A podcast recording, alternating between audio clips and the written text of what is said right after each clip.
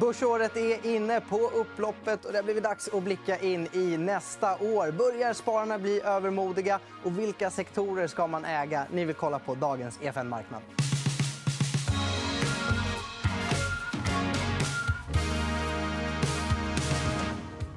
Och då välkomnar jag in Maria Landeborn och även Sebastian Hallenius på länk. Välkomna båda två. Tack. Hej, tack. Jag tänkte vi skulle börja och prata lite om nuläget där ute. Ehm, vi har ju den här eh, berömda Bank of America-enkäten som visar att eh, förvaltarna där ute är extremt optimistiska. Maria, är du också optimistisk? Ja, men jag är ganska optimistisk måste jag säga, mot bakgrund av alla positiva nyheter kring vaccin framförallt, som vi fått den senaste tiden som gör att man ju kan se ett ljus i slutet av den här tunneln vi har befunnit oss i ett tag. Sebastian, är du lika optimistisk? Ja, det får jag väl säga. Rent ekonomin, om vi ser till att det kommer ju en andra våg här i slutet av, eh, av hösten eh, där det blev väldigt negativt. Och eh, Q4 framförallt försvagas ju en del eh, på grund av det. Eh, vi, vi såg kanske att det här var en möjlighet att, att öka eftersom det var en relativt kortsiktig del. Eh, men när vaccinnyheterna då kom så blev det ju eufori snarare. Europeiska börser gick kanske 20% på en, en månad. Så det är ju det är extremt. Det är, det. Är, det så, är det inte så att när alla är optimistiska att man vill bli contrarian? Då? Eh, jo, men precis. Det är ju ändå, utfallsrummet eh, får man väl ändå säga är ju... Eh, det finns alltid där och just nu så är det inte många som har prisat in att eh, det kanske finns eh, utrymme för att oförutsedda saker kan hända i det här huvudscenariot. Mm. Så är det ju. Eh, Okej, okay, men då, då, ser vi i alla fall utifrån det här att det, marknaden är ganska het just nu. Det är inte bara ni två som är optimistiska, utan de allra, allra, allra flesta. Eh, och Maria, du har gjort en intressant spaning också här på, på lite samma tema. Det är ju många, även småsparare som till exempel jag och andra som har eh, presterat väldigt bra i år, trots att det varit jobbigt. Och jag kan ju känna själv lätt att få lite hybris då, tycka mm. att man är bättre än vad man är. Eh, det är lätt kanske då att det inte går lika bra nästa år. Ja, men det är klart att det finns en sån risk. Och det, det, blir ju alltid så att när det är stort intresse för någonting, som till exempel för börsen det senaste halvåret, året, då tenderar det att locka in en hel del nytt kapital. Och först hade vi det här branta raset under våren. Det tenderar att kunna skölja ut lite folk och ju längre det pågår desto större är risken att man råkar bränna sig för man försöker för tidigt. och så där. Men det där gick så pass snabbt eh, och då var det vissa som sålde och så. Men sen har det kommit in väldigt mycket nytt kapital. Och det är många som eh, man ser aktiebloggar, det växer på Instagram. Och det är en massa folk som tipsar om allt från fonder till aktier och eh, små och stora bolag. Så att intresset är väldigt stort. Och det är klart att en sån här period när börsen är så starkt och det finns jättestarka trender, som till exempel utvecklingen för teknikbolag. Då är det ganska lätt att komma in, lätt att känna att men vad 17 här, jag är ju talang för det Varför har jag inte hållit på med aktiehandel förut? Och det är inte säkert att det alltid är lika lätt. Och man ska nog inte vänta sig den här avkastningen nästa år, även om jag är optimistisk. Men det handlar också om eh, liksom, att hitta fickor på börsen där man tror att man kan få avkastning under nästa år. Eh, mm. Och det där behöver man ha i åtanke så att man inte har fel kapital på fel ställe. Till exempel semesterkassan på, eh, i något teknikbolag. Ja, men det kanske är den allra största risken, just det här att man tycker att det har gått så lätt att man stoppar in fel pengar. Det tror jag är den största risken. Ja. Och just att man känner att men du stoppar in pengar här och har man legat rätt i några av de här gröna bolagen inom grön energi eller teknikbolag då kan du mycket väl ha dubblat det där kapitalet på ganska kort tid.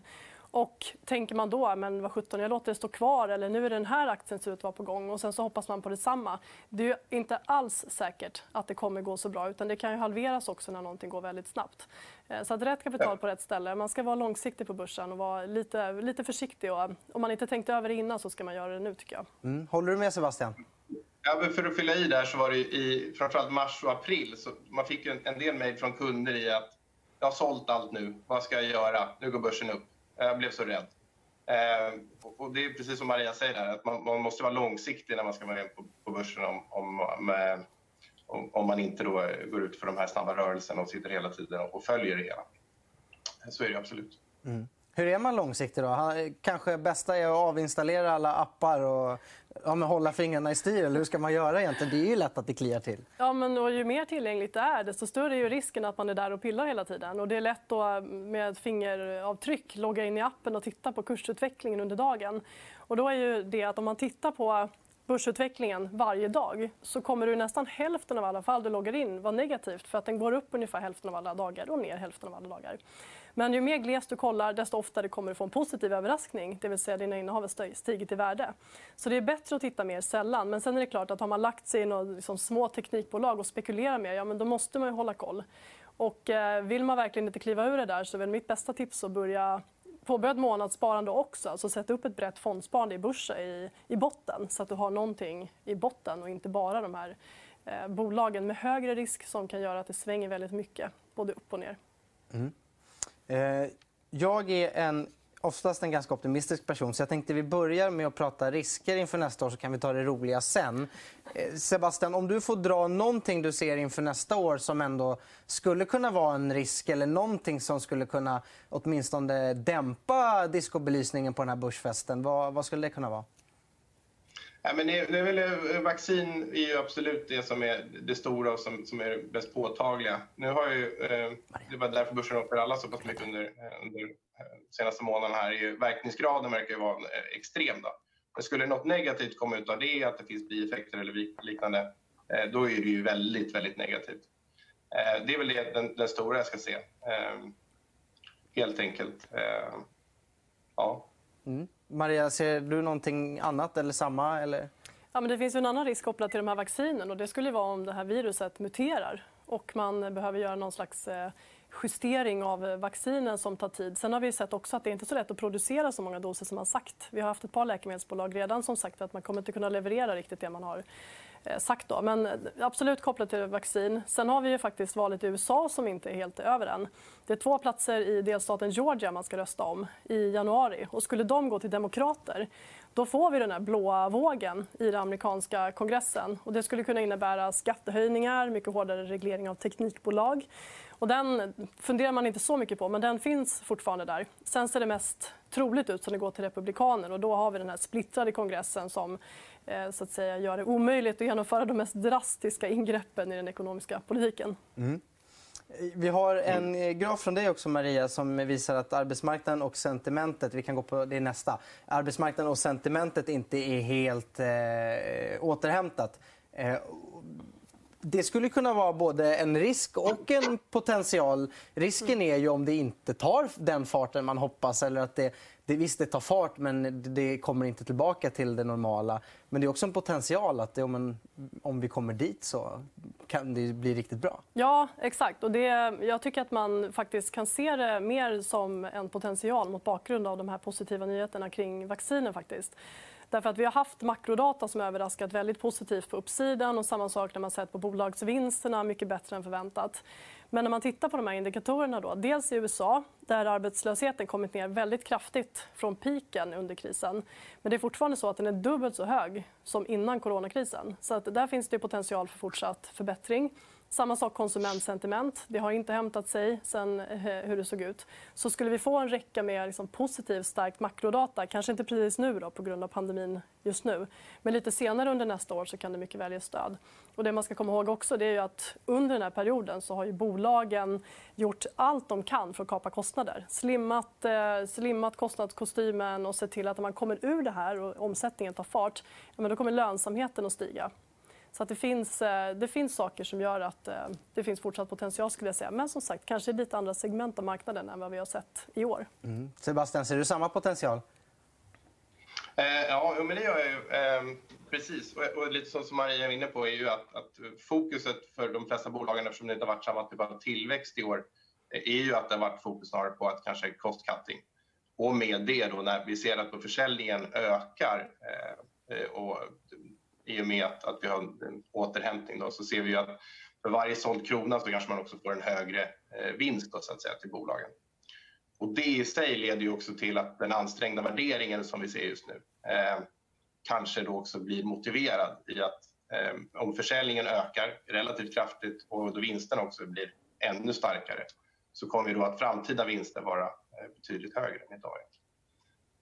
Mm. Men, men finns det inte en risk där också Sebastian att om alla kapar sina kostnader att det blir för lite investeringar och för lite capex och att det drabbar konjunkturen negativt? Ja, men det är lite där vi är just i, i ekonomin. Väldigt bra fråga. Eh, för, för, vad vi ser just nu är ju snarare att vi är i en återhämtningsfas. Eh, där det då är egentligen, eh, vi går ifrån att ha eh, totalt, alltså ekonomin har varit, synen är varit väldigt negativ och vi går till att nu kanske börjar se bättre ut. Och efter det så har vi då snarare då från den här expansionsfasen och det är då investeringarna kommer. Eh, och i det, när vi då går det snarare in i en ekonomisk eh, expansionsfas, eh, det är då man börjar då tänka på att göra de här lite större, tyngre industriinvesteringarna. Eh, arbetslösheten kanske då snarare börjar komma ner. För nu ser vi fortfarande att det är en laggande effekt och den är lite senare. Eh, och det här gynnar ju då framförallt cykliska sektorer. Banker till exempel har inte samma eh, kreditförluster, när folk inte blir av med jobben lika mycket längre. Eh, industriföretag eh, där folk som gynnas av stora tunga investeringar eh, kan börja då producera lite högre vinster. Mm. Maria, håller du med? Ja, men jag håller med. Absolut. Och det som är lite intressant med den här krisen det är att det är inte en kris som vi har satt oss i genom eh, osunt risktagande eller överkonsumtion. Utan det här har handlat om en kris som är orsakad av alltså myndigheter, politiker som stängt ner ekonomin. Banker, och, eh, banker, företag och eh, privatpersoner har väldigt starka balansräkningar idag. Man har sparat under krisen och det såg bra ut för både hushållen och företagen redan innan vi gick in i det här. Så att, eh, när man väl börjar kunna se att sentimentindikatorer tickar uppåt och man kanske ser att man kan rulla ut ett vaccin framgångsrikt förhoppningsvis, då ökar också chansen att konsumtionen verkligen kan ta fart och med stöd av buffertar ger skjuts åt ekonomin. Och samma sak vad gäller investeringarna. För fortfarande så ser vi att bolagen är lite avvaktande. Man väntar lite grann med att liksom trycka på den knappen. Men det kan man mycket väl göra när vi kommit in en bit i 2021, tror jag. De borde trycka på knappen och förr eller senare kanske de måste trycka på knappen om allt ska komma igång på riktigt. Ja, men det måste de ju göra. Alltså, händer inte det, om det fortsätter deppa av någon anledning och man inte är villig att investera, nej, men då har vi problem. Men samtidigt så är det svårt att se att man inte skulle göra det. som sagt. Om man sitter med ganska välfyllda eh, kassor och starka balansräkningar och inte vill investera, speciellt med tanke på alla stöd, låga räntor och så vidare. Så det, om saker och ting fortsätter rulla på, återhämtningen fortsätter, så tror jag att chansen är ganska god att investeringarna kommer igång. Men sen kommer det förstås vara en gradvis process. Mm. Eh, en annan grej som eh, ja, också kan vara både positivt och negativt i vågskålen beroende på hur det spelar ut sig, det är penningmängden. Eh, och det har vi också en bild på. Man kan hoppas, om man, om man, har mycket aktier eller tillgångar kan man hoppas på, på mer pengar eh, ute i systemet. Om man har lite aktier eller inga så kanske man hoppas på mindre. Vad tycker du känns mest eh, troligt här, Maria, nästa år? Jag tror väl kanske att det kommer fortsätta komma mer pengar ett tag till. Vi fick ju besked från ECB nu i veckan här att eh, man höjer stödköpen och man utökar det här programmet ytterligare. Och kollar man i USA så ligger det snarare i korten att man skulle göra mer än att man skulle börja skala tillbaka någonting. Man hör dels på kommunikationen att man fortfarande pratar om risker på nedsidan och väldigt, väldigt stor osäkerhet. Och I USA så har man också det här nya penningpolitiska målet på en genomsnittlig inflation på 2 och Det gör ju också att man behöver ju skapa förtroende för det. Om inte inflationsförväntningarna börjar stiga så måste man göra någonting för att få upp dem. Och då skulle det till exempel kunna handla om utökade stödköp. Så jag tror att vi kommer att se en fortsatt eh, inflöde av likviditet under 2021. Mm. Sebastian, vad tror du? Blir det mer likviditet nästa år? Eh, nej, jag tror snarare lite mer på den här Fed-putten som vi brukar kalla det. Att om, om, marknaden skulle sälja av kraftigt eh, på ett sätt eller annat så kommer nog centralbankerna gå in och, eh, och, och agera så att säga. Eh, men det är väldigt stimulativ penningpolitik. Jag ser kanske inte att det är ett, ett behov av att, att eh, sätta in åtgärder när sentiment är där det är idag, helt klart. Eh, men Biden, då när han tillträdde här, ska ju då, om det inte blir, hinner bli klart innan, nu är det lite oro för det, sätta in ett, ett, ett ganska stort stimulanspaket. Och det är ju som sagt det är ju börspositivt. Där har du mer likviditet så att säga. Eh, som kommer att gå ut i ekonomin. En, en, annan faktor som vi kanske inte riktigt pratat om det är liksom när vaccinet kommer. Jag tror att jag ligger nog lite tidigare än kanske eh, vad marknaden ligger. Att Biden har då 100, 100 första dagarna, 100 miljoner vaccinerats. Eh, och det är i slutet på april. Eh, och jag tror att det det, det, är ett väldigt ett starkt tecken på när folk då eh, börjar se och känna av att nu går det faktiskt att vaccinera sig, att man kommer tillbaks, att man tror på framtiden. Eh, det kan bli fortsatt så att säga, eufori eh, på grund av det också i, i det psykologiska. Mm. Eh, nu har vi pratat en hel del om eh, nuläget och eh, vad vi väntar oss nästa år. Och då handlar det om att ta de här pusselbitarna och lägga pusslet för hur man ska vara positionerad, vad man ska leta efter. Eh, Sebastian, har du en liten topplista på sektorer till, inför 2021? Ja, kanske inte så mycket sektorer, men jag tänkte ta med lite eh, vad som är viktigt att ha. Kanske en, en, jag förvaltar ju eh, blandfonder och, och alternativa fonder och där ser vi ju eh, lite egentligen som man ser på sin fondportfölj om man skulle säga så. Eh, och eh, jag har väl egentligen tre saker som jag tycker är viktiga att, att eh, man kanske kan börja öka eller minska i eh, inför kommande året. Och som jag varit inne på så är ju som sagt, vi tror på den här att vi går snarare in i en expansionsfas nästa år än, än bara den här återhämtningen. Börsen ligger lite före. Eh, då blir det snarare att man ska positionera sig för vad som gynnas i en expansionsfas. Eh, och där har vi ju då egentligen då den breda egentligen tillväxtmarknader som brukar gå väldigt starkt just när man går in i den här expansionsfasen. Du kan nästan ha dubbelt så hög avkastning kanske som då på utvecklade marknader. Eh, så det tycker vi ju och har vi också ökat på sistone. Det ser väldigt intressant ut. Och vidare på det, så det här är också det cykliska temat, så börjar vi gilla mer och mer Europa. Eh, där har vi ju eh, som har en, mer också med industri och säljer också lite mer mot, eh, mot Asien och så vidare. Eh, men det, det är en strukturell utmaning just i Europa i tillväxttakten. Eh, och därför kanske vi gillar lite mer just europeiska småbolag. För då får man också lite mer gearing mot just, eh, mot just tillväxten om man då investerar i de europeiska småbolagen istället. Eh, och sen så skulle jag väl säga att man kanske ska passa sig lite för. Eh, nu har vi pratat om egentligen ett stort huvudscenario eh, och det är att vaccinet kommer ut, allting ser bra ut, vi har en återhämtning, eh, finanspolitiken är eh, stöttande och så vidare. Eh, och i det scenariot så, så kommer då, eh, kanske då, eh, räntefonder med lite längre löptid att prestera dåligt genom att långa räntor börjar gå upp och det kommer då kosta i liksom det portföljskyddet som man har. Eh, så tror man fullt ut på det scenariot men vill fortfarande ha eh, den här alternativa delen så ska man kanske mer in i korta räntefonder eller mer in i alternativa fonder, hedgefonder eller andra typer av delar. Eh, men jag ska också säga att vi pratar ju som sagt hela tiden om utfallsrum och långa räntor ska alltid vara en del i en balanserad portfölj. Men man kanske ändå ska tänka på att minska den lite just för det vi ser just nu. Mm. Det var tre ganska glasklara tips ändå får jag lov att säga. Eh, Maria, någonting som vi pratade om innan, det är det här jättegapet i avkastning som har varit i år mellan olika sektorer. Mm. Man brukar ju ändå vilja säga att gap vill närma sig varandra och inte kan spreada hur länge som helst. Kan det vara ett tema för nästa år? Då? Ja, men det tror jag att det kan vara. faktiskt. Och, eh, coronakrisen har ju förstärkt skillnaderna mellan, alltså i trender som redan fanns. Om man tittar till exempel på grön energi mot fossila bränslen så har vi sett grön energi rusat på börsen i år medan fossila bränslen utvecklats väldigt, väldigt svagt och energisektorn gått svagt. I toppen, om man tittar på globala sektorer, så har vi ju IT som har stigit nästan 40 sen årsskiftet. Eh, så det har ju som sagt det har funnits väldigt starka trender att ta rygg på i år. Sen tror jag att de där är inte helt till ände. Utan när vi kommer in i 2021 så kommer det fortfarande vara så att pandemin här och nu pågår ju för fullt. Eh, vi har stora nedstängningar i Europa de förblir förmodligen på plats en bit in på vårkanten. För att så länge det är kallt så sitter vi inne och då sprids smittan om vi är tillsammans. Eh, så de kommer ligga kvar. I USA också så har vi ju rekordsiffror i antal döda per dygn och pandemin fortsätter. Så att här och nu så kan det mycket väl vara så att IT-sektorn och den typen av bolag som gynnas av den här ökade digitaliseringen fortsätter gå bra. Så vi har faktiskt en övervikt fortfarande i IT som vi haft under hela den här perioden. Men sen har vi gradvis tagit ner den och börjat istället då... Eh, vi har ingen övervikt i Europa, men vi har minskat undervikten.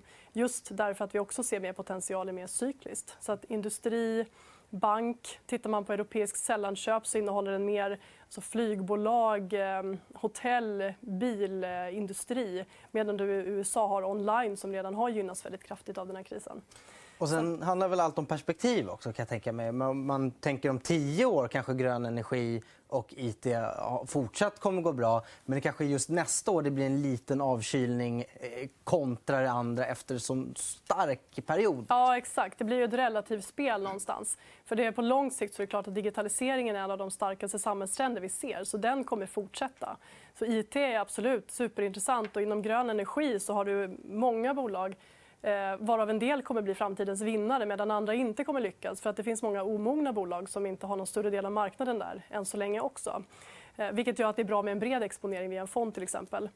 Men eh, de, där är absolut trender som kommer vara positiva på lång sikt. Men just relativspelet. Blickar man in i 2021 så kan det vara så att det som funkat väldigt bra på börsen i år det behöver inte funka lika bra under nästa år. utan Då kan det vara annat som relativt sett går bättre. Det skulle kunna vara de här mer eh, värdesektorerna som har utvecklats svagt under lång tid. På tal om gap mellan tillväxt och värde så är det ganska stort. Mm. Sebastian, vad tänker du? Jag skulle vilja fylla i där en grej. Eh, I att just när vi ser till, eh, om man är väldigt långsiktig investerare så är det nästan viktigare att hitta den här tillväxten och ha lönsamheten i bolagen.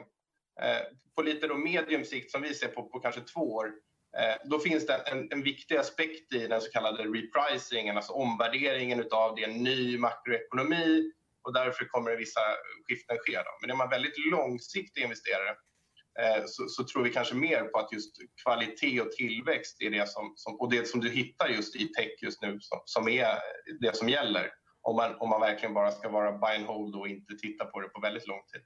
Eh, då har marknaden en tendens att verkligen eh, underprisa en, en hög tillväxttakt. Ska jag säga. Mm. Kul! Vi har ett väldigt roligt år att se fram emot nästa år. Tack snälla för att ni kom hit, Maria Landeborn, Sebastian Helenius. Och, eh, det var det vi hade att bjuda på idag. Vi är tillbaka nästa vecka igen med säsongens sista avsnitt. Det börjar ju närma sig avslutning som sagt. Så har ni några önskegäster för 2021, mejla gärna redaktionen efn.se e eller skriv till efn.tv e på Instagram. Eh, tack så mycket för att ni har tittat. Ha det så bra. Hej då.